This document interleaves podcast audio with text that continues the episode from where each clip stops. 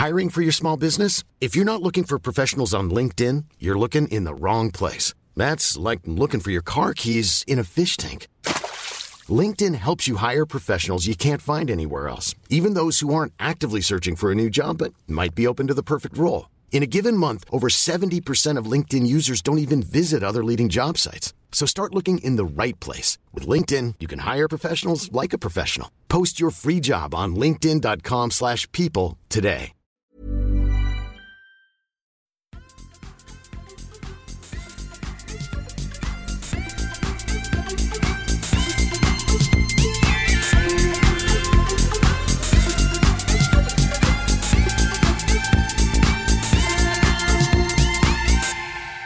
Rullar vi igång med avsnitt 111 av Kedja ut, en podcast om discgolf. Mitt namn är Tommy Bäcke och jag gör det här tillsammans med Nicke Nyman och Elina Rydberg. Och idag har vi två stycken väldigt intressanta personer på besök i, eh, i podden. Det är eh, Mats Adamczak och eh, Gustav Didriksson som har kommer dela med sig av vad som har hänt på, på Åland det senaste året. Eh, välkomna. Hur, hur mår ni? Tackar, tackar. Eh, jättebra. Varmt är det ute. Det är härligt. Det är ju fantastiskt. Tack, tack. Allt är nog bra här också. Grymt. Vi kommer börja avsnittet som vanligt eh, när vi har gäster med, med en liten faktaruta. Så det är bara för Mats att, att svara först och få Gustav fylla i efteråt. Eh, sen så tänker jag att vi, ja, vi vill höra vad som har hänt på Åland helt enkelt och vad vi är i dagsläget. Kör på. Eh, då kör vi. Ni får väl svara var efter varandra och Mats får börja svara. Eh, namn? Namn, Mats. Och vad tänkte jag? Jag ska berätta lite mer. Nej, jag jobbar tänkte att Gustav skulle- på- jag tänkte- Ah, Gustav- Okej, Gustav Didriksson. Okej. Okej. sorry. Eh, ålder på herrarna? Oj, svårt. 57. Nej, 33. Och vars bor ni? Självklart kanske. Mariehamn. Jag bor också i Mariehamn. Eh, vad jobbar du med? Jag är datascientist. Eh, Jag studerar på distans. Just det. Eh, hur länge har du spelat discgolf? Eh, Ett och ett halvt år. Ja, samma ungefär. Ett och ett halvt, två år. Eh, vilken var din första disk? Eh, Det var en eh, Innova. um, Jag hade ingen aning så jag köpte några hypersnabba diskar. Turn 3, jag kommer faktiskt inte ihåg, men någon sån var det. Inga puttar och med- midrange där eller? Nej. Gustav då? Ja, min var en Champion Raid som jag fick av min eh, lilla syster. Jag visste inte ens vad discgolf var då, så jag visste inte att det var en discgolfdisk, men nu vet jag. Just det. Eh, favoritdisk? Efter Discmania. Eh, favoritdisk. Eh, kanske F5. Eh, Prodigy disk. Så är 1-1. Yes. Så jävla viktigt. Eh, största styrka i ditt spel? Jag kastar inte långt, men eh, jag kastar rakt och det räcker långt. Helt rätt. Ja. Största styrkan kanske är bra på att kasta heisers. enda jag kan. Eh, vilken är din största svaghet i ditt spel? Eh, Längd, utan tvekan. Eh, putting kanske i, i tävlingar brukar inte gå bra. Nej. Och sista frågan. Vilken är er favoritbana? Oj, man har ju fått ett gäng här att välja mellan. Eh, eh, med hjärta är det nog Soltuna eh, discgolfpark. Min hemkommun. Mm. Ja, jag ska säga samma som Mats. Soltuna är nog en av mina favoritbanor. Just det. Ja, det var faktarutan från vårt håll. Eh, jag tänker att Tom eller Lina får ta vid och ställa lite frågor här nu. Det kan ju fortsätta göra. Tommy fattar det här med ögonkontakt. Nej men eh, kul att ni är med grabbar. Härligt att få prata lite om det här projektet. Jag tror många i Sverige är eh, väldigt intresserade om hur allting egentligen började. I och med att vi får inte riktigt åka dit än, tyvärr. Men det står nog på väldigt många personers bucket list att göra så fort pandemin är över. Men eh, vi kan väl börja. Eh, hur eh, påbörjades projektet och hur gick ni tillväga? Ja, eh, jag kan ju ta den här början då. Jag eh, är också ordförande för Företagarna på Åland, en sån här liten mindre förening då för små um, businessgäng. Och när pandemin kom så blev vi inkallade i Åland. Har en liten egen regering. Så näringsministern kallade till en egen aktionsgrupp. Mm. Och eh, då fick eh, vi rollen att göra offensiva saker som skulle kunna på något sätt påverka turismnäringen på ett positivt sätt. Och eh, det var inte helt självklart att hitta en orsak, en ny orsak för turister som var både säkert eh, och komma hit. Och det tog väl en månad när, innan jag kom underfund med att kanske discgolf är grejen. Och då började jag kolla data, eller fakta, eftersom jag är datascientist. Eh, och då märkte jag att herregud, det är ju i Finland så hade det fullständigt exploderat. Och jag hade ju märkt att det var jättemycket köer vid vår egen lilla niohålsbana i Mariehamn. Och så tänkte jag att det här är ju faktiskt någonting som utomhus och ganska coronasäkert. Mm. Och, och eh, det var väl egentligen där som idén kläcktes. Sen gällde det bara att finansiera den helt enkelt. Hade ni själva börjat spela discgolf redan när, när ni började med projektet eller när näringsministern drog igång det här, den här aktionen? Jo, för det här var ju mars eh, i fjol och jag hade av en slump um, ett år tidigare i maj varit och testat med, med klassen. Vi hade en klassträff eller något sånt med föräldraträff. Och då märkte man, herregud vad ungarna tyckte det var roligt och vi behövde inte göra någonting utan vi bara släppte iväg med diskar så är saken klar. Så jag såg att det fanns någonting som eh, ja, det, det fanns någonting som till och med ungar tyckte var jätteroligt utan man behövde göra någonting. Så jag hade hållit på ett år, men jag vet inte hur länge Gustav har kört där. Ja, det började ungefär samma som du. Den kom första banan i Mariehamn va? när jag upptäckte discgolf egentligen. Så det var ungefär samma tidpunkt som det var. Men Mariehamn har haft en bana redan innan resterande banor satts i backen helt enkelt. Jo, och, och grejen är ju det att faktiskt Mariehamnsbanan är ju Finlands äldsta. Därför att 1982 så hade man första åländska mästerskapen, men då var det inga korgar. Men korgarna kom först 2019 i maj.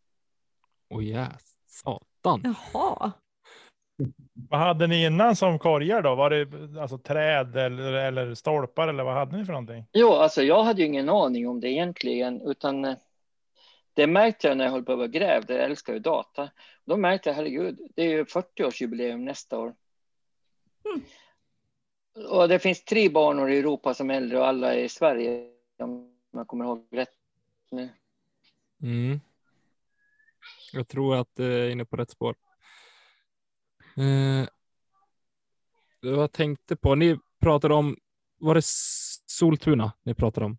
Ja. Visst var det? Ja, precis. Eh, nordvästra Åland, va? Stämmer bra. Perfekt. Eh, är det bland, var det bland de första banorna som, eh, som eh, sattes i backen eller hur? Eh, I vilken ordning ungefär sattes det ner? Vart började det?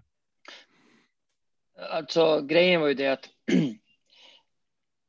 om jag tar innan vi började bygga banorna så alltså, min första kontakt, första kontakt med, med Discmania var att jag sa att vi skulle behöva ha 16 banor fram till midsommar. Och då så, jag pratade inte med, med veden då, utan med någon försäljare. Och så sa han, nej det är 9 eller 18 hål.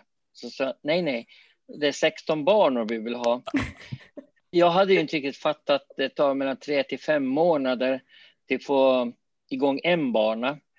Och eh, då har man mark och pengar fixade. Jag hade ju ingendera när jag tog kontakt med dem. Men antagligen så lät jag vara tillräckligt galen då, så jag vart uppskickad till veden Juha, Joho. Eh, och han trodde väl på mig. Sen så blev jag, eh, någon, en vecka senare så blev jag insläppt i Jussi Merasma. Och vi pratade en timme och så sa han efter att vi har pratat en timme att äh, nu måste jag gå ut och fundera. Och eh, sen när han kom tillbaka så sa han nu kör vi. Eller så han då. Så på den vägen eh, blev det att vi satsade på 16 banor på två och en halv månad. Det blev ju inte riktigt så, men eh, det finns en orsak varför det var så många banor också. Jag vet inte om det är intressant. Jätteintressant. Jag, jag, sitter bara och skrattar. Jag tycker det låter så jäkla roligt. Just att man bara, ja, vi ska ha 16 banor och det ska vara klart innan midsommar. Var ni då två och en halv månad? Nej, det var, det där var alltså, idén ploppade upp 14 april och vi hade presskonferens den 12 maj. Ja, just det. För, för då hade jag fixat pengar och sånt uh, men saken var den då att uh, vi hade ju inte pengar och, och då lyckades jag höra med landskapsregeringen att man kunde få bidrag för utrustning. Och det minsta man kunde få var 25 procent. Men man kunde få 15, nej, 50 procent om man eh, kunde anses gå nytta, eller ge nytta till alla ålänningar. Och då tänkte jag att om man har en bana i varje kommun, då har de ju otroligt svårt att neka den här 50 procenten i framtiden. Så det var ju huvudorsaken. Men sen slog det ju att herregud, det där är så pass galet och omöjligt så att det kommer att bli omöjligt av den orsaken för då kommer ju folk att haka på. Såklart. Det var ju det som hände. Det är underbart. Alltså jag sitter bara och njuter. Jag tycker det är vilken jäkla saga alltså. Det är häftigt. För jag menar, när vi nådde som nyheten här i Sverige att om okay, Åland ska smälla upp 16 eh, discgolfbanor, då var det som att gå in i en vägg. Man bara, oj jäklar, var kom den ifrån liksom? Eh, så det är jätteintressant och, och roligt att höra liksom, historien bakom det, tycker jag. Ja, alltså. Det låter ju som att jag har ett eh, ganska galet självförtroende och det finns en liten bakgrund till det och det är att för 35 år sedan så var jag med och byggde upp innebandyn på Åland.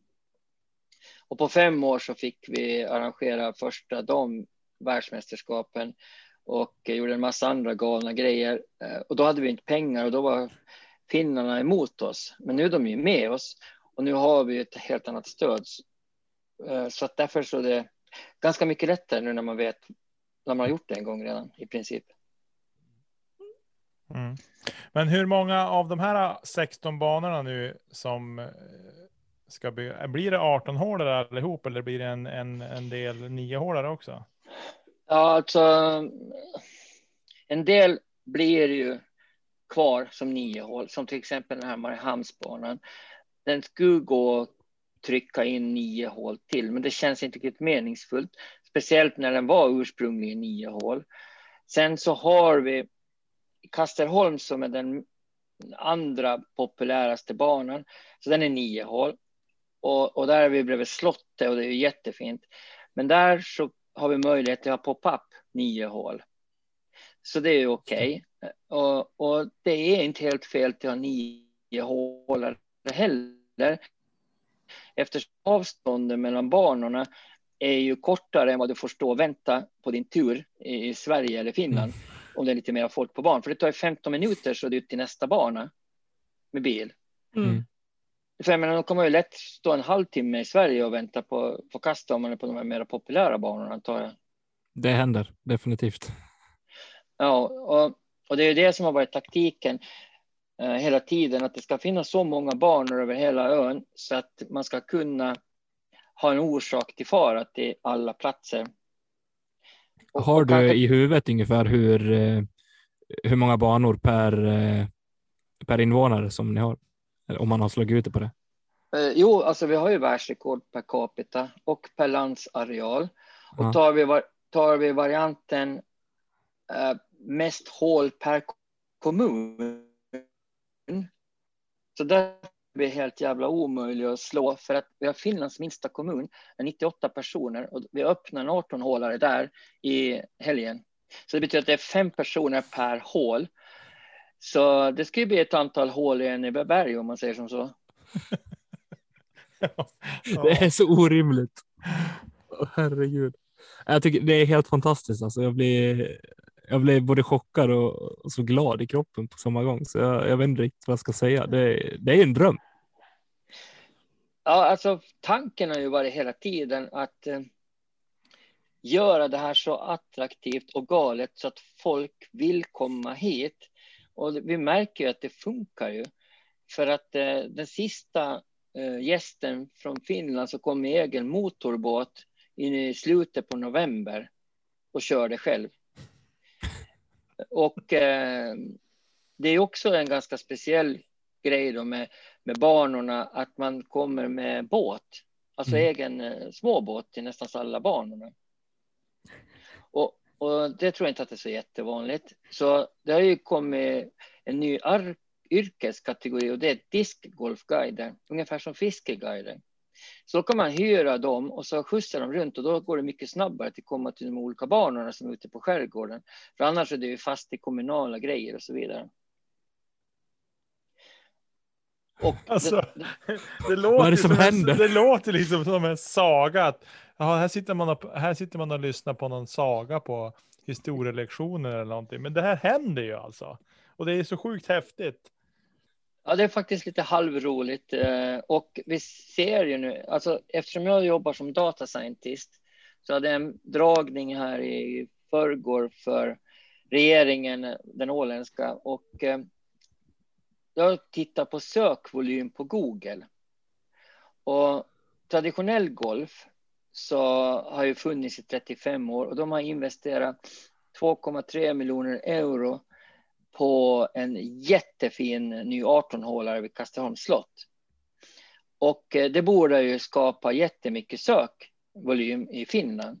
Men vi har mera sök på discgolf och Åland än vad de har på golf och Åland, fast de har 35 års försprång. Så det säger en hel del att det verkar finnas ett jätteintresse i Finland och allting tyder ju på det. Och samma sak får man ju känslan i Sverige också, att det finns ett gediget intresse i det här. Ja, det känns ju som att eh, jag har hört mycket. Jag har aldrig varit på Åland själv, men jag har kompisar som har varit där och de säger att det är otroligt fint på, på Åland och att det är liksom eh, Eh, det är en plats som är väl värd att besöka. Men nu känner jag att jag måste bara dit. Eh, och, och det, jag vet inte om ni känner till skillnaden på acquisition och retention. Acquisition är till locka nya kunder och retention är till ta hand om existerande kunder. Och vi har varit jättedåliga på acquisition för man har kört på samma grejer i många år. Det är traditionell golf, sportfiske och så vidare. Och då kommer samma gäng. Men till få dem att verkligen nya människor komma hit, då måste det vara någonting som sticker ut. Och, och den, en, en riktigt stor skillnad mot många andra ställen är att när det är gratisbanor så hamnar de på sådana ställen som inte är speciellt värdefull mark. Och då har du inte så mycket turistaktiviteter där. Och vi har ju svängt på det. Vi har plockat de snyggaste och härligaste ställena på Åland och placera en discgolfbana. Så vid varje discgolfbana så finns det en restaurang, övernattningar eller ett bryggeri eller någonting. Och det var ju baktanken att eftersom det är gratis att spela så måste de dricka och äta och kanske sova över och på det sättet hjälpa eh, turistnäringen. För det är ju det det här är. Det är egentligen ingen discgolfsatsning i sig, utan det är till hjälpa turistnäringen på Åland. Så det är en räddningsprojekt egentligen. Men jävligt många positiva bieffekter som att jag gjorde en undersökning förra veckan och 40 procent av ålänningarna har testat på discgolf sedan i fjol. 11 procent av folk över 18 år till 85 så är minst en gång i veckan och spelar nu. Wow. Det är helt galet. Men jag gillar också främst det här tanken med att ni, ni liksom tar vara på resten också. Det är så här, men man tänker på boende, man tänker på restauranger. För att de har det ju inte heller lätt nu liksom. Eh, restauranger i Sverige i alla fall är ju liksom en, en döende bransch i princip för att de har fått riktigt hårt liksom. Så det är ju fint att man kan lägga en bana med fokus på att det kan gynna andra också. Jo, och det har ju varit lite nyckeln att de har ställt upp då, eh, många eh, ur det perspektivet. För att jag har ju räknat ut hur mycket det här kalaset har kostat. Mm. Och eh, i pengar så är det 1,5 miljoner svenska kronor. Och eh, en bra bit över 6 000 arbetstimmar. Mm. Men hur har, hur har, eh, jag tänker så här, eh, hur har eh, eh, de boende på Åland liksom slutit upp kring det här projektet och hjälpt till och så? Jag tänker 6000 timmar, det är ju, eh, det är liksom, det är tre arbetsår för en vanlig eh, arbetstagare liksom som jobbar heltid. Eh, inte riktigt tre fulla år, men nästan. Nej, Ett och ett halvt skulle jag säga. Eh, så nej, inte ett och ett halvt för en vanlig arbetstagare. Du jobbar, Du jobbar bara, ni- 1994 timmar som heltidsanställd i, eh, i Sverige. Ja, precis. Och då gånger tre så är du på Ja, just det, 6 000. 6 000. Sorry, tre år. Eh, så. Ett och ett halvt för mig. ja, Ja, är man effektiv så. Ja, precis. Men hur, hur har det sett ut liksom med arbetsdagar och så där? Har ni, har ni haft mycket? För, jag har ingen aning om hur terrängen ser ut där. Eh, jag har bara sett några bilder på klipphällar och så, men jag tänker att det är inte bara klipphäll på Åland. Nej, nej, utan eh, de två banor som är riktiga skogsbanor. Så där hade ju varit jättemycket arbete till att få dem i någorlunda skick. Och turistägarna har ju inte haft alls lika mycket bemanning, så de har inte kunnat hjälpa till så mycket. Och det, så vi försöker göra det med, polenska, så kallar man det för talkoarbete. Då bjuder man på kanske grillkorv och bärs och, och så jobbar gänget med tar med sig motorsåg. Och det blir som i Norrland kanske att eh, är man inte van att hantera en motorsåg och kan fälla en älg med en tandpetare så, så är det inte riktigt någon kar ish. Vi hade ju ett gäng sommararbetare också som Ja, första året som jobbar med det där fulltid på sommaren. Jag tänkte på det också, Gustav. När, eh, hur fick, du är ordförande på Mariehamns discgolfklubb, eller? Vice ordförande Ja, vice ordförande. Mm. Hur kände du när du fick till dig just det här projektet? Eh, eller hur kom du och Mats i kontakt med varandra? Ja, vi kom mest kontakt efter vi har spelat tillsammans på banan. Ja. Där vi pratade där. Och så hade Mats eh, sin vision och så tyckte vi att det lät bra så hoppade vi på bara. Det var som ingen, ingen tanke på att det här måste vi sova på, utan det var bara att köra. Men vi spelade mycket där i Mariehamn först och sen så fick vi höra att Mats var intresserad av att fixa nya banor och då, då ville vi hoppa på direkt och hjälpa till med allt vad vi kunde. Ligger hemligheten bara bakom eh, varmkorv och bärs för att liksom ha givna arbetsdagar eller finns det något annat man kan locka med?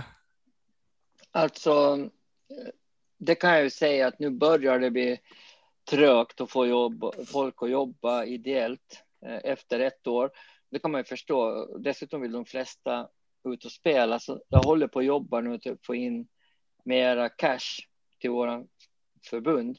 För att vårt dilemma är att vi är för unga, så vi är inte berättigade till att få pengar egentligen. Mhm. Mhm. Alltså för unga som discgolf eller är ni för unga Nej, för utan som eh, personer? Som, nej, som förening. Ja. så måste man eh, ha uppvisat ett visst antal månader av verksamhet och det tycker jag att vi har kanske visat. Vi- Det är inte bara snack utan det är ganska mycket verkstad. Ehm, Men eh, tyvärr kan ju tjänstemän tycka att det är lättare att säga nej, för då gör de inte fel. Eh, Och det har varit ganska mycket så här alternativa lösningar hela tiden för att få ihop det här på något sätt. Mm. Men hur många, hur många spelare har ni på, på Åland? Eh, Om du menar registrera, det borde... Vi har nog över 100 klubbmedlemmar, har vi 120 kanske. 50. Mm, det är, det är liksom en klubb på hela Åland så att säga. Ja, ja, en klubb. Det finns två tror jag, men en klubb som är aktiv med tävlingar och sådant. Ja, just det. Ja, så är den klubben i Sverige som har tillgång till 16 banor. I och för sig är det 12 nu. Vi ska inte överdriva. Nej, just endast 12. Det är väl det vanligaste kanske att någon bana, någon klubb har kanske tre eller fyra banor kanske är det mesta. Så att ni är ju långt före faktiskt. Och på kort tid dessutom. Men det är häftigt. Jag tänker just, eh, ja, det är 12 i dagsläget, eh, men 16 planerade som jag har förstått det. Eh, jag skulle säga att nu har ju de här olika skeptikerna börjat inse att det här kanske är någonting att hänga i julgranen. Så jag tror nog att om två år så har vi 20 banor. Det är väl min prognos. Alltså. Varav en bana är planerad att bli betalbana. Mm. Hur, hur tror ni det kommer ställa sig till resten av grottsbanorna? Jag tror att det behövs just för att eh, om det ska vara en högre standard på den banan, om man ser mer åt tävlingshållet, eller vad är tanken med den banan? Ja, betalbanan så blir ju våran nationalarena skulle jag vilja kalla det. Och det har just med att eh, kunna arrangera större tävlingar eh, på sikt. Och det är helt fel till att ha Jussi Merra som är med på tåget. Med dem. Och sen har vi ju Newborn Disc Golfers med, kommer ju ha en tävling här i augusti. Och sen, vad heter de här från Sverige, eh, Gustav, som kommer ha i september? Tor Wallgren eller? Wallgren, ja. Han ska ha en tävling där. Och, och det är ju perfekt då när vi får andra som vill arrangera. Så då har ju vi bara platsen då egentligen. Så, så får de komma hit och arrangera sina tävlingar. Det är Otroligt häftigt. Mm. Så, så inom, ja, vad har vi då på drygt tre år, tre och ett halvt, 20 banor i backen? Ja, det skulle jag nog säga. ja nej, det, det är svårt att ta in för någon som eh, kämpar för två banor liksom. Ja, förhoppningsvis så, så kommer ju det här att, att skapa ringeffekter för sporten. Och jag förstår ju att Gotland nu eh, har Mm. börjat anamma och det tycker jag är helt suveränt. För då kan vi ju köra riktiga öspel, att man börjar i, på Öland och sen får man döpa om Gotland till Äland och så kör man en avslutning på Åland. Ja, det hade varit Kanske- häftigt. Ja, de kanske får de protesterar med just med att de får heta Äland, men det, det får man ta. Det tycker jag också. För den här sakens skull så tycker jag att de får ta det faktiskt. Det är ju bara Ja, för- temporärt. Nej, Nej. Okej, vi, nej, men vi gör det permanent. Ja, faktum är att vi har bytt statsvapen en gång i tiden, Gotland och Åland. Jaha. det, det var någon, eh, någon gång på 1700-talet så lyckades de, eh, antagligen var det en större festen och sånt och så, så fick de med sig fel statsvapen hem. Så egentligen, ja, Ja, då var det lättare att bara byta för att lämna tillbaka. Precis. Det är motströms uppför, vet du. Så det är jobbigt att åka tillbaka och lämna igen. Vi Mm. behåller det här alltså. Jag tycker att eh, det var kul att du berörde just det med Gotland också.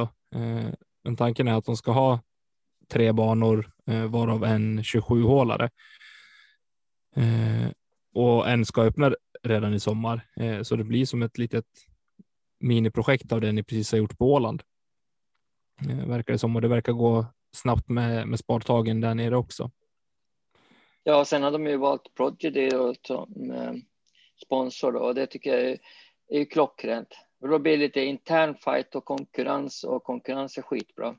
Så stressar vi varandra Definitivt. då förhoppningsvis i framtiden. Jo, men precis. Och både Prodigy och Discmania är ju stora i Finland om inte annat. Jo, Jag hade ju grymt. här på Åland för inte så länge sedan. Vad sa du? Vi hade Seppo Pajo. Han var Mm. här på bollen för Det såg jag. Jag fastnade lite för eh, Kastelholm efter jag kollade på den videon. Det såg ju, miljön där var ju enastående. Alltså. På den. Ja, och det som är ganska speciellt då när man har en arkitekt till planera så här många banor samtidigt. Så då sa jag åt han att han skulle tänka att varje bana ska ha sin egen själ, men det är helheten i sig som är det viktiga och därför är det en discgolfö. Och, och det gör ju att Kastelholm har en storebror som är Svinö och Soltuna har en lillebror som eh, blir klar om två veckor. Det blir en ny 18-hålare i, i Eckerö.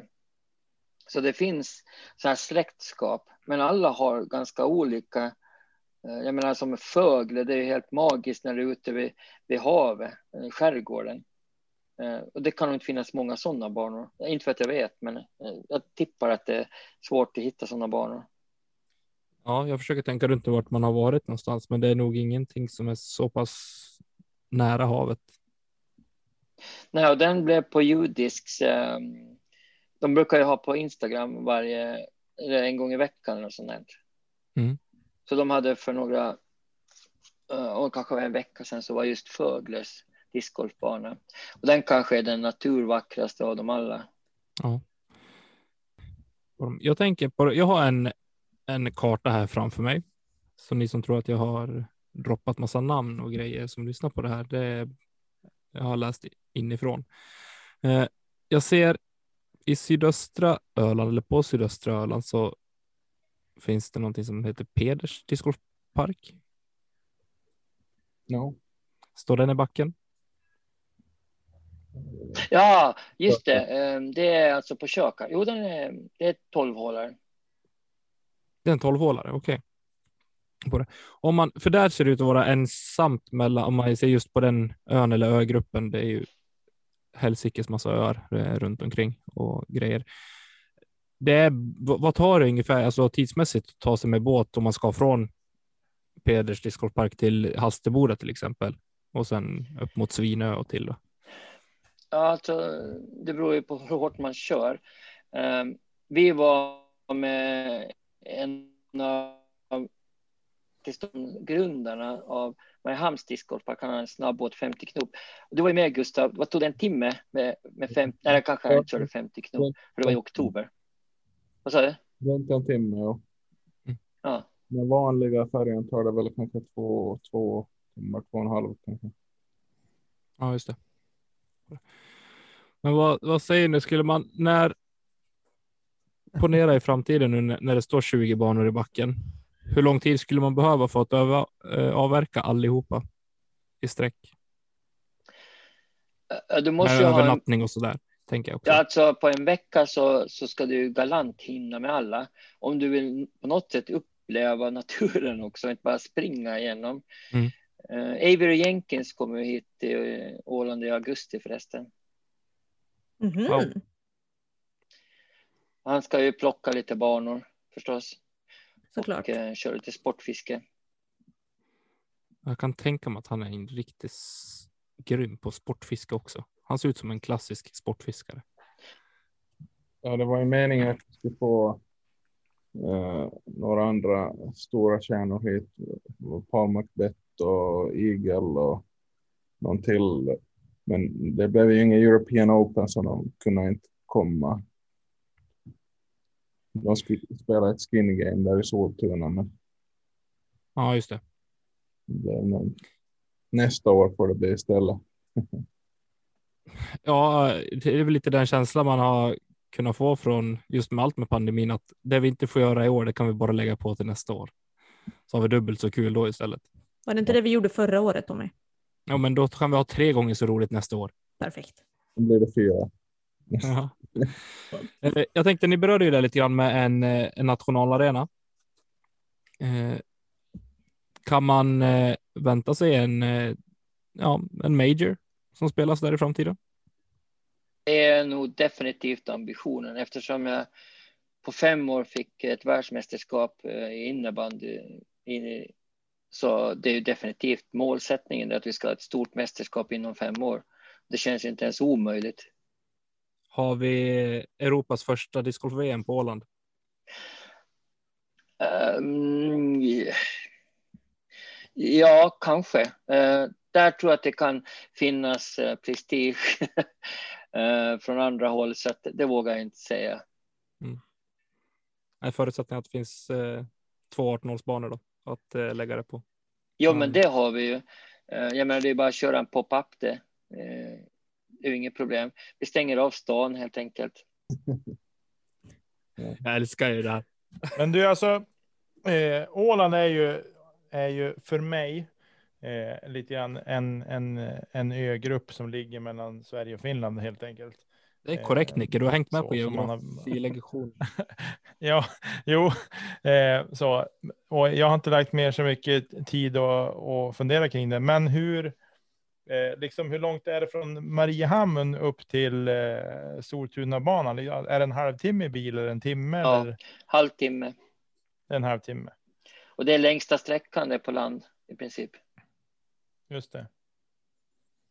Och då är, det passerar små färger, är det små färger mellan öarna annars? För jag ser att det går bilvägar liksom ut till eh, öar, men det är ju liksom, det tar ju stopp vid vatten, vattenlinjen så att säga. Är det små färger då som går, som tar bilar över eller?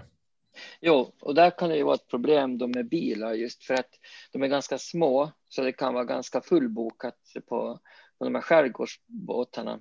Så då är det nästan smartare till, till ta med cykel eller försöka få skjuts på öarna. Vissa öar så är banorna precis nära, så det är ju inget problem. Och därför är det ju bättre då om man ändå inte tar bilen, att man eh, tar ett gäng eh, och får någon som skjutsar med, med båt. För då mm. är du helt självständig, så det skulle jag säga att det är det absolut smartaste. Mm. Mm. Jag hade ju gått tankar att investera i en husbil här, men det kanske får bli en båt. ja, det funkar ju att sova i dem också. Definitivt. Och det är två banor som man inte kommer åt enkelt eh, med båt. Den ena måste man gå en kilometer och den andra så är det två och en halv kilometer, så det är ju inte något jätteavstånd med båt. Alltså, Vilka är det? Det är Soltuna som är längst norrut då, som vi pratade om. Och så det är Stallhagen som är mitt i centrum på Åland. Ja, just det. Stallhagen och Soltuna. De har ett bryggeri där bredvid. Mm. Ja, Stallhagen. Där. Ja. Där var Seppo också va? Ja. Jag för mig att det såg. Ja. Han spelade inte där, men han var dit och käka och träffa um, en av pionjärerna, Hasse Holmström. Och, och, en av orsakerna för det här har gått är att det finns flera dårar i min generation som har varit med och gjort något liknande. Som just Hasse var med och startade upp ett landslag i paintball från Åland som var och tävlade i London. Sen så hans kompis Jan Kankonen var med och startade upp bouldering. Vet ni, när de har klättrat på klippor. Eh, det är inte höga klippor utan det är bara så avancerade eh, paths mm. som man ska följa. Och då fick de dit världsmästaren, eller jättekänd år 2000 och kom dit och klättra. Så filmade de det. Och fortfarande idag så är det runt 3-4 tusen som kommer och klättrar i, i Getabergen bredvid discgolfbanan. Och det är den powern som har drivit mig också. Att får man tillräckligt galen grej så då funkar det utan marknadsföring. Mm. Mm. Ja, det är häftigt. Jag, man, blir, man blir djupt imponerad över, över att eh, dels att det är Åland, det är inte så stort, och så sen även att det är mängden, antalet banor som, som ploppar upp eh, och liksom och drivet som finns. Eh, men är lite mentaliteten så att det är vi mot världen eller hur, hur funkar det där ute? Ja, eh, lite så är det väl för att jag menar frågar man eh, om jag är ute på resa var jag kommer ifrån så säger jag ju Åland. Jag säger ju inte Finland och så säger de jag har Poland eller Holland eller något sånt där. Så får man förklara då det är en liten skitö mellan Finland och Sverige. Så visst är det ju lite att man, det är vi mot dem och vi kan själv och jag menar, jag tror att det här är faktiskt gemensamt för öbor. Att man fixar det mesta. Man eh, kan eh, simma fast en gädda och man, ja det finns de här grejerna som kanske inte en storstadsbo riktigt fixar. Mm. Och det, sånt är vi faktiskt bekant med här uppe i norr också. Ja, eh, och det kan ju faktiskt vara just den grejen att jag känner ju ofta en jättenära bekantskap med norrlänningar eller någonting sånt för att man har det här lugnet och det ordnar sig och så vidare. Man stressar inte upp sig i onödan man nu gör vi det här bara. Okej, okay, då gör vi det. Jag tycker du har fått en, en rättvis bild av, av norrlänningar. Exakt samma som jag har också. ja, grymt. Eh, har vi missat någonting eller vill, är det någonting mer ni vill dela med er av gällande Åland och discgolfen på, på Åland? Ja, det som är ju, eh, när jag håller på och kämpar då med att få in pengar så, så har jag ju noterat att idrotten är, gillar inte riktigt oss då eftersom vi ska komma in och konkurrera om samma pengar. Och turismen gillar inte heller riktigt oss. Alltså Eh, turistanläggningar gillar oss, men, men vi kommer ju att klampa in på deras revir någonstans. Så det finns ingen riktig organisation på Åland för de som är både och. Och det här kan ju vara en liten utmaning då, men eh, jag vill bara notera att den största succén som har varit de senaste 20 åren är Skördefest. Det, det är jättepopulärt från Finland att komma till Åland och då far man ut till gårdarna och det är det som de får verksamhetsbidrag på. Och då slog det mig här för en, en par veckor sedan att det är precis det vi gör, bara det att vi också bygger gårdarna. För vi borde bli mätta på hur många som far ut och spelar eh, och så vidare. Och det har vi ju gjort då när vi har tracking på hur många som spelar. Så det är 60 000 varv som är spelade och sen invigningen i fjol. Så att. Eh, det är rätt saftigt det. Ja, folk spelar ju på vintern. Eh, jag menar, det är presentsnöre på då, så man är ute och plufsar på där i, i snön. Ja, det, ja, det är spännande. Ja, alla banor invigdes ju på en dag med helikopter. Mm. Mm. Jag såg nog filmklipp från det. Det såg eh, mäktigt ut. Det måste jag säga. Det var mäktigt. Eh, orsaken varför vi använder helikopter, och det är faktiskt en enda marknadsföringsåtgärd vi har gjort för eh, Seppo kom, det var ju att dels så fick vi ett världsrekord, men eh, alla som var på invigningen så filmade ju när vi landade, Jussi och jag. Och sen så när vi stack så filmade de också, så delade de på sociala medier. Så det är ju det som är word of mouth.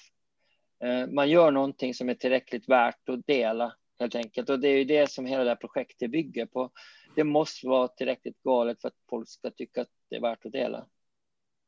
Mm. Som sammanfattning. Det har ni ju lyckats med om inte annat. Ja, jag tror faktiskt det.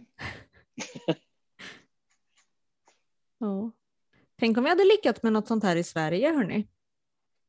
Här är liksom problem att få ner en bana med kommunen.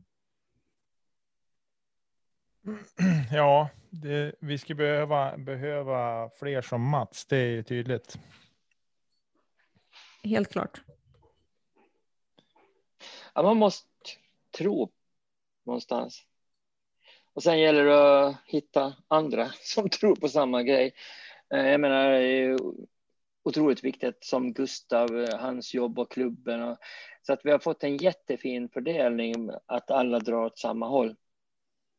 För det är ju som sagt lite bök till eh, administrera tolv banor.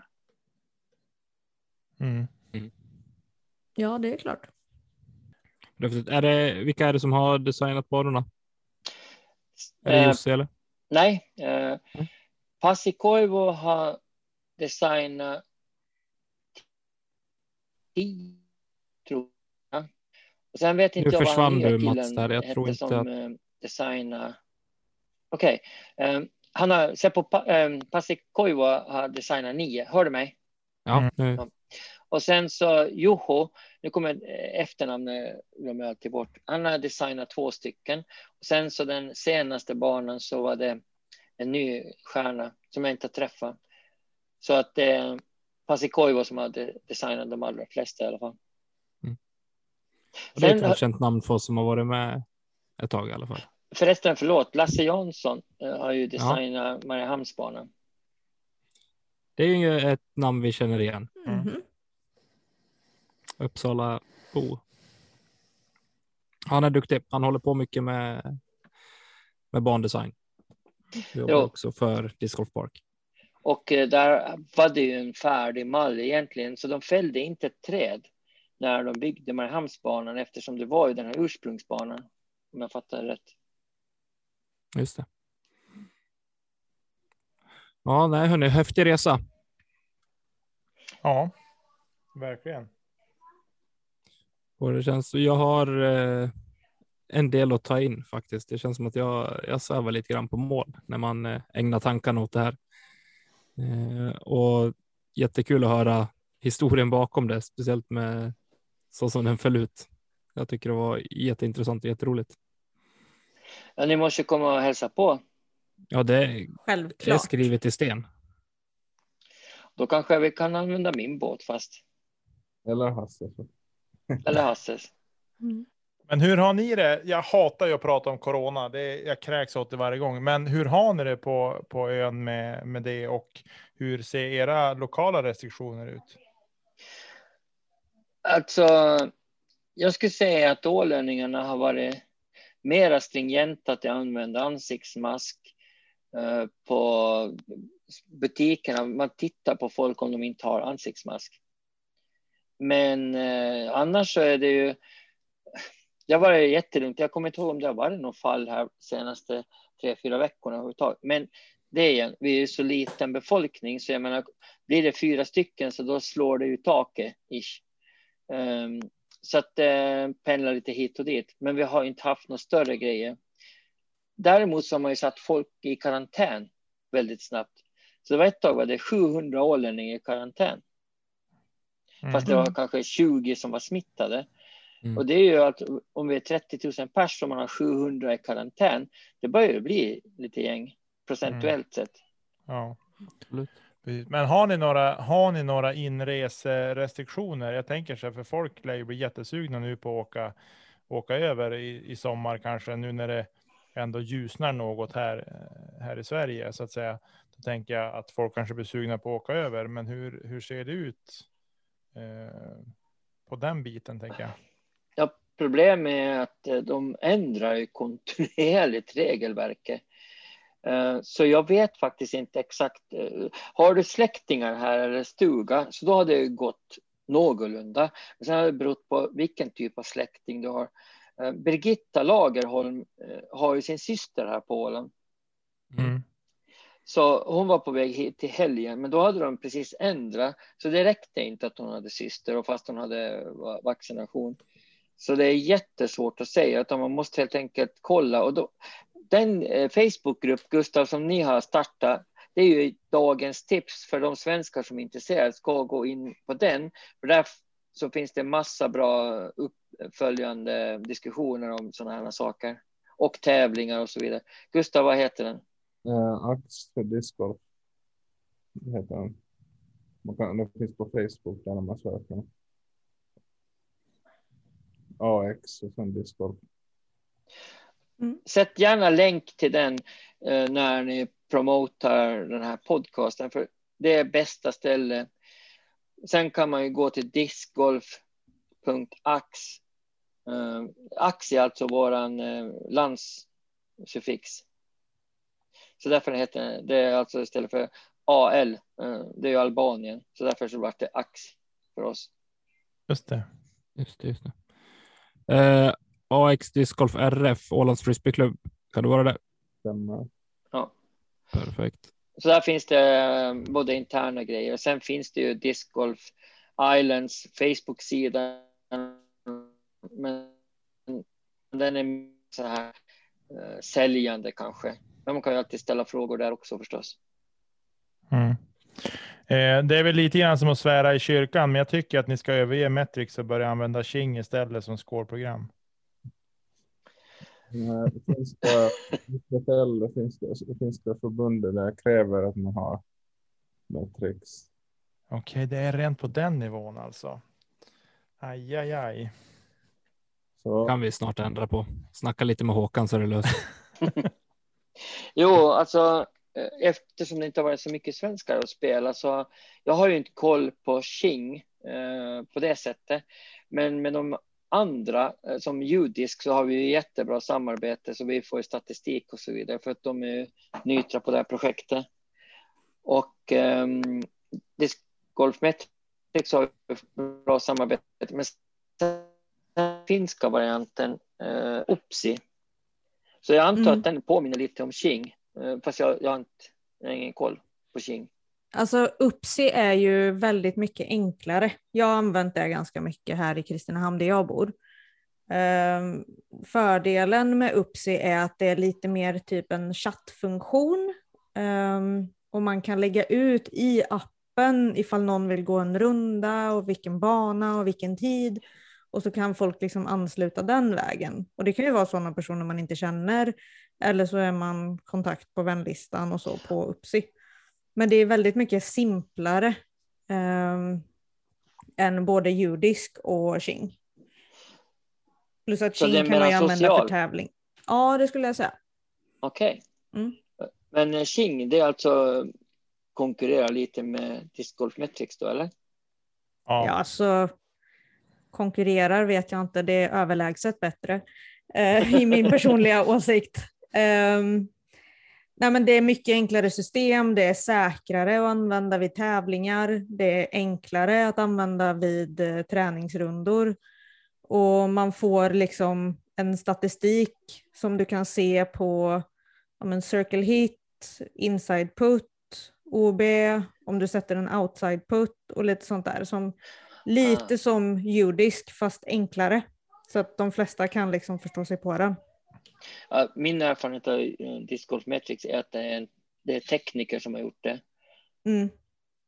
Det, det får man ju definitivt känslan och, och jag brukar ofta registrera rundorna när jag spelar och, och det är inte bara en gång som jag plötsligt så är jag på hål 17 fast jag tror att jag är på hål 5 och så får man börja gå igenom bakåt till att få det rätt för att jag vet inte man glider iväg på något vis Mm. och, om man fick registrera eller vad det är jag har ingen aning har ni de åländska banorna där på Tjing? Eh, jag tror deras ban, banbibliotek är ju under uppbyggnad eh, och så, men man kan lägga in dem.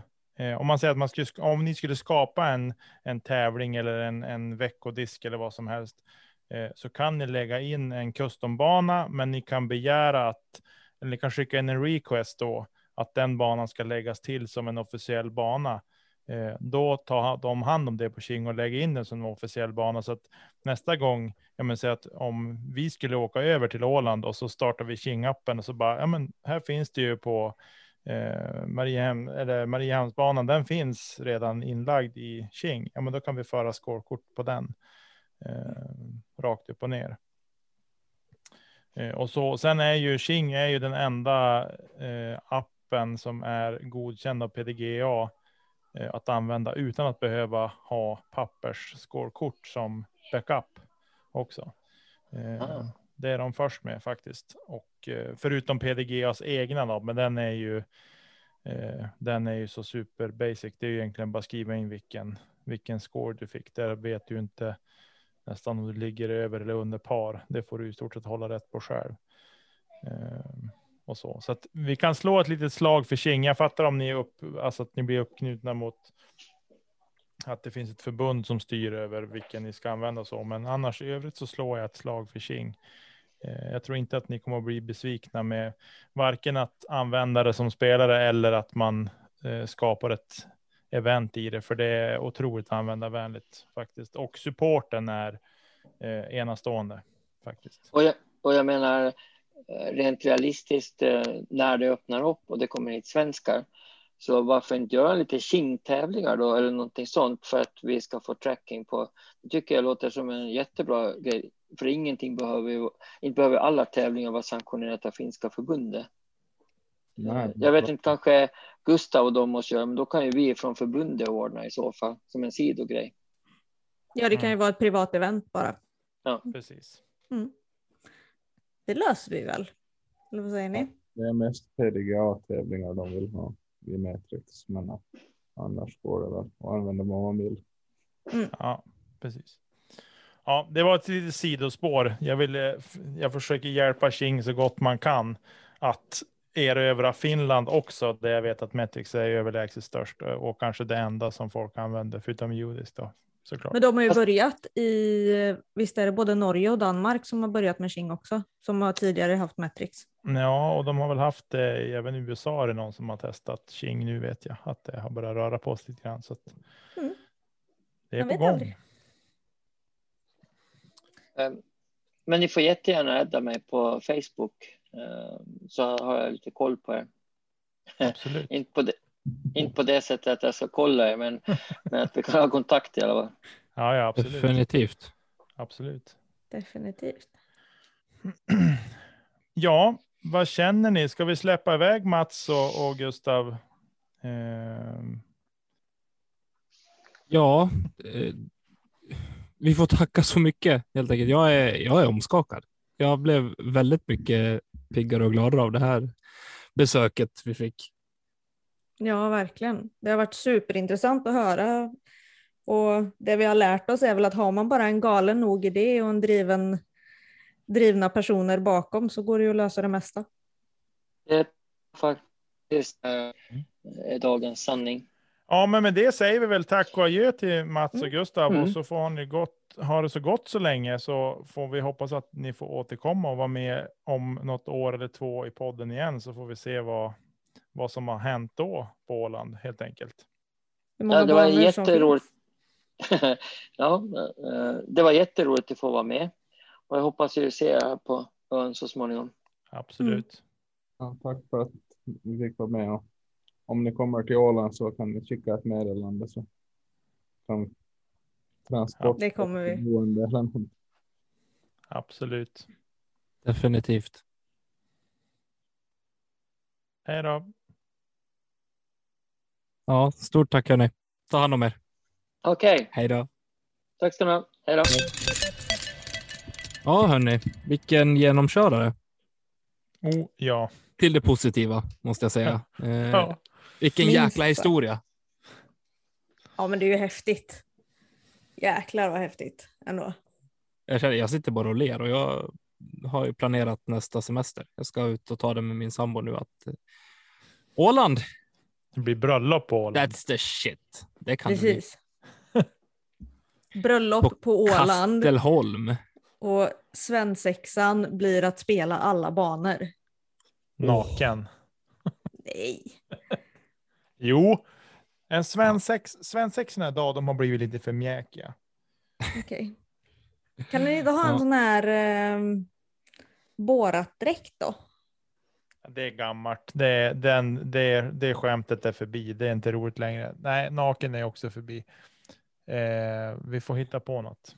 Ja, eller så håller vi oss till discgolf eh, nu i alla fall, så kan vi prata sen sexa sen. Vi Absolut. har ju en dresscode ändå.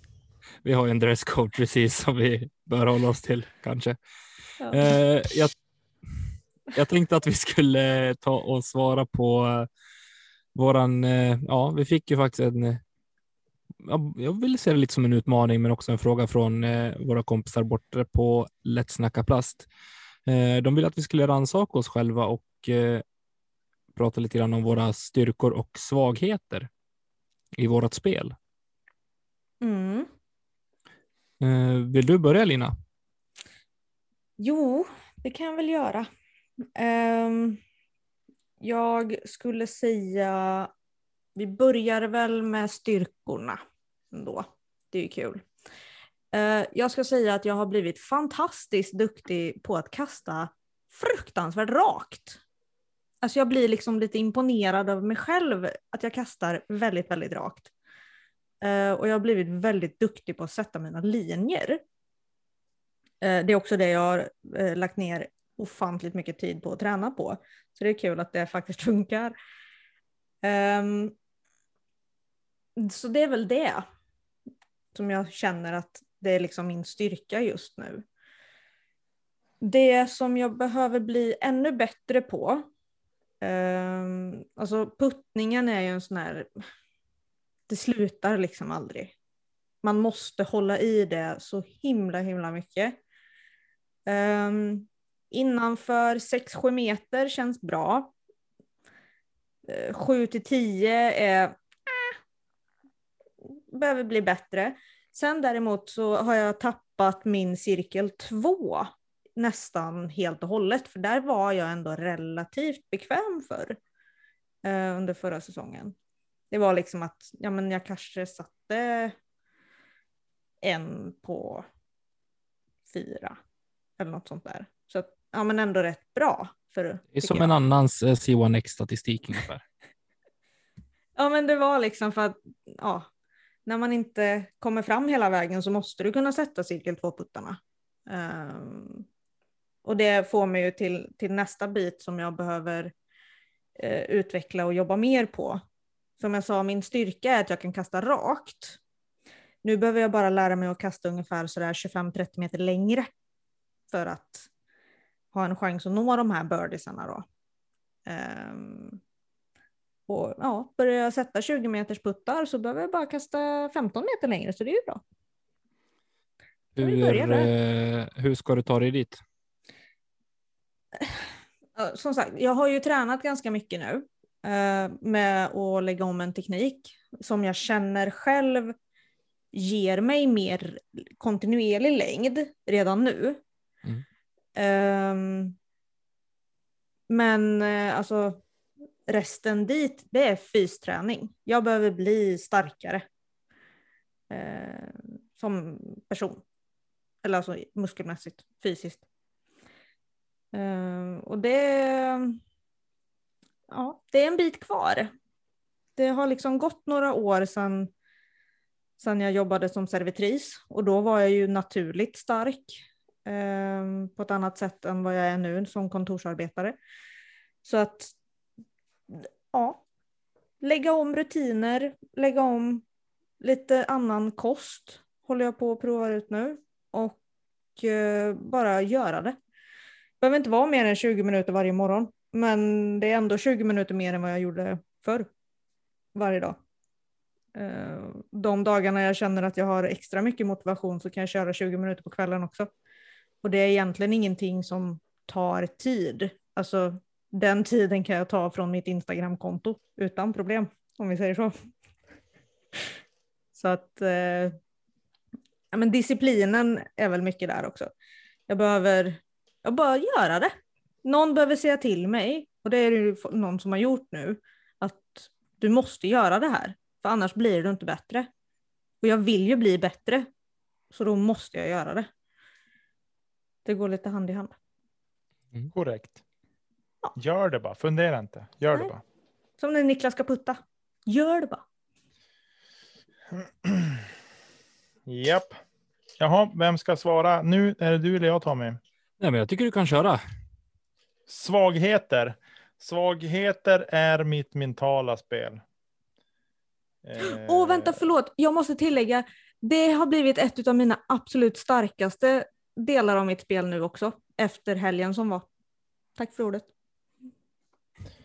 Eh, nej, men det, ja, och sen inte att, inte att förglömma forehand.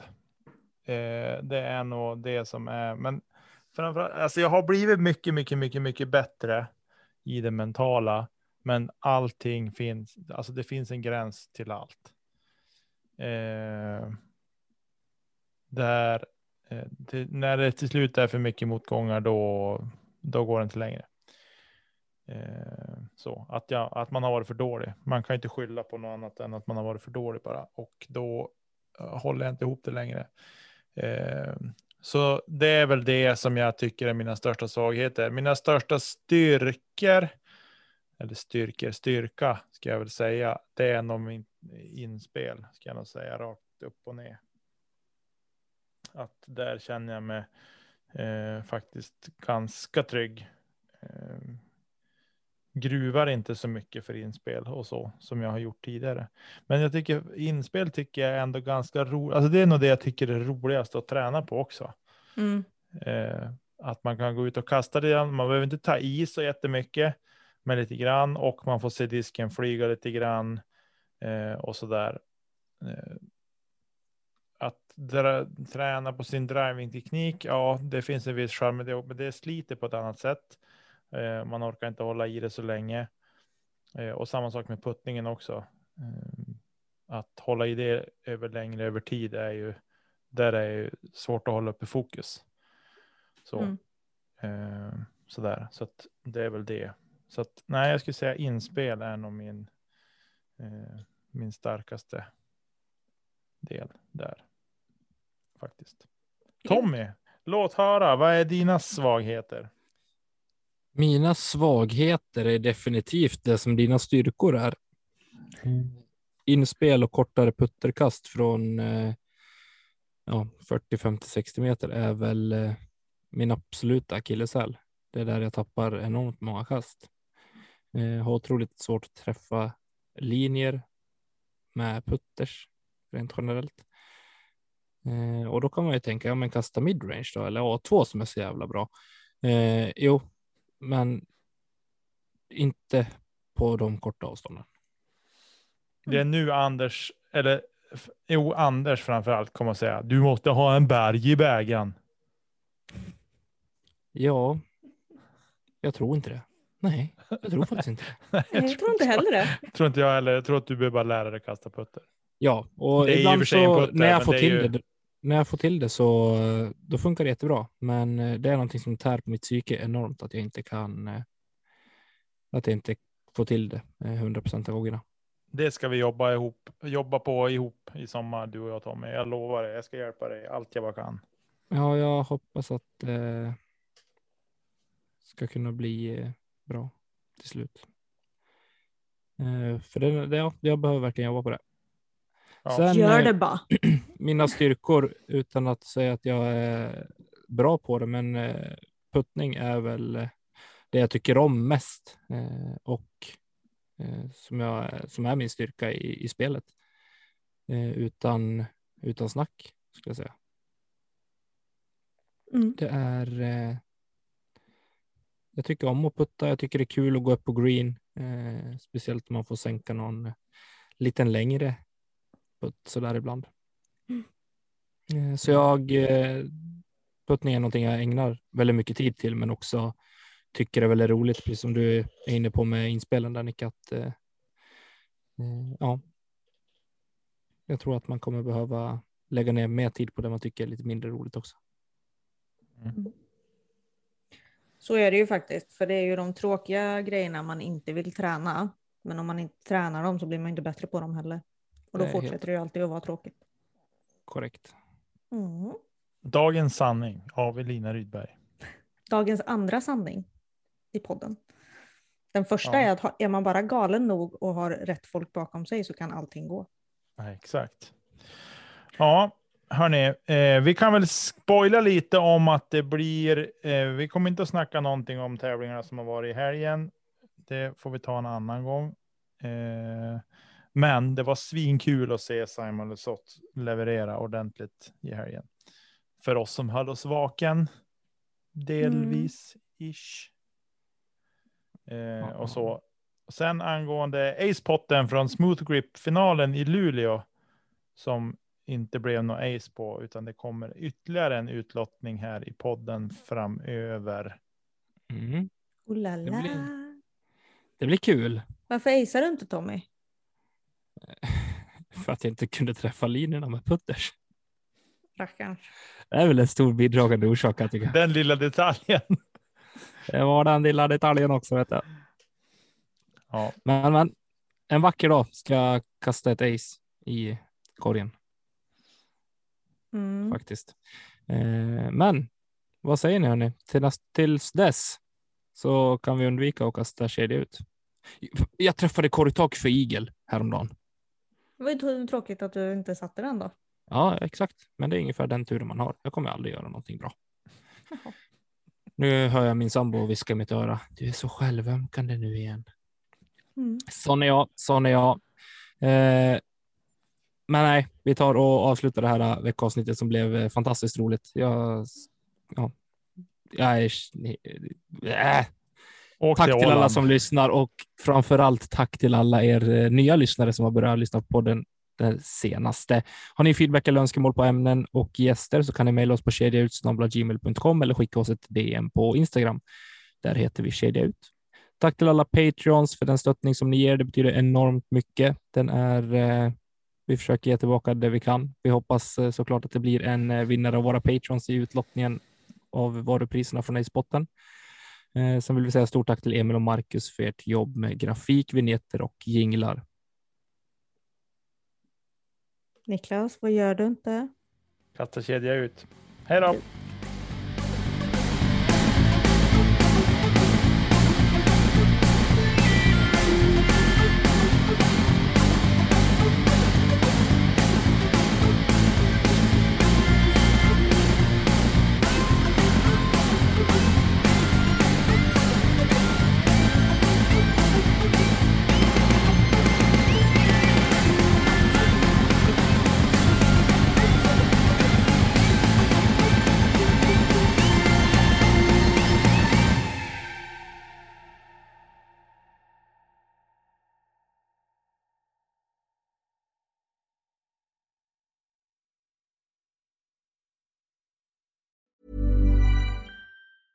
Mom deserves the best, and there's no better place to shop for Mother's Day than Whole Foods Market. They're your destination for unbeatable savings, from premium gifts to show-stopping flowers and irresistible desserts. Start by saving 33% with Prime on all body care and candles. Then get a 15-stem bunch of tulips for just $9.99 each with Prime. Round out Mom's menu with festive rosé, irresistible berry chantilly cake, and more special treats. Come celebrate Mother's Day at Whole Foods Market.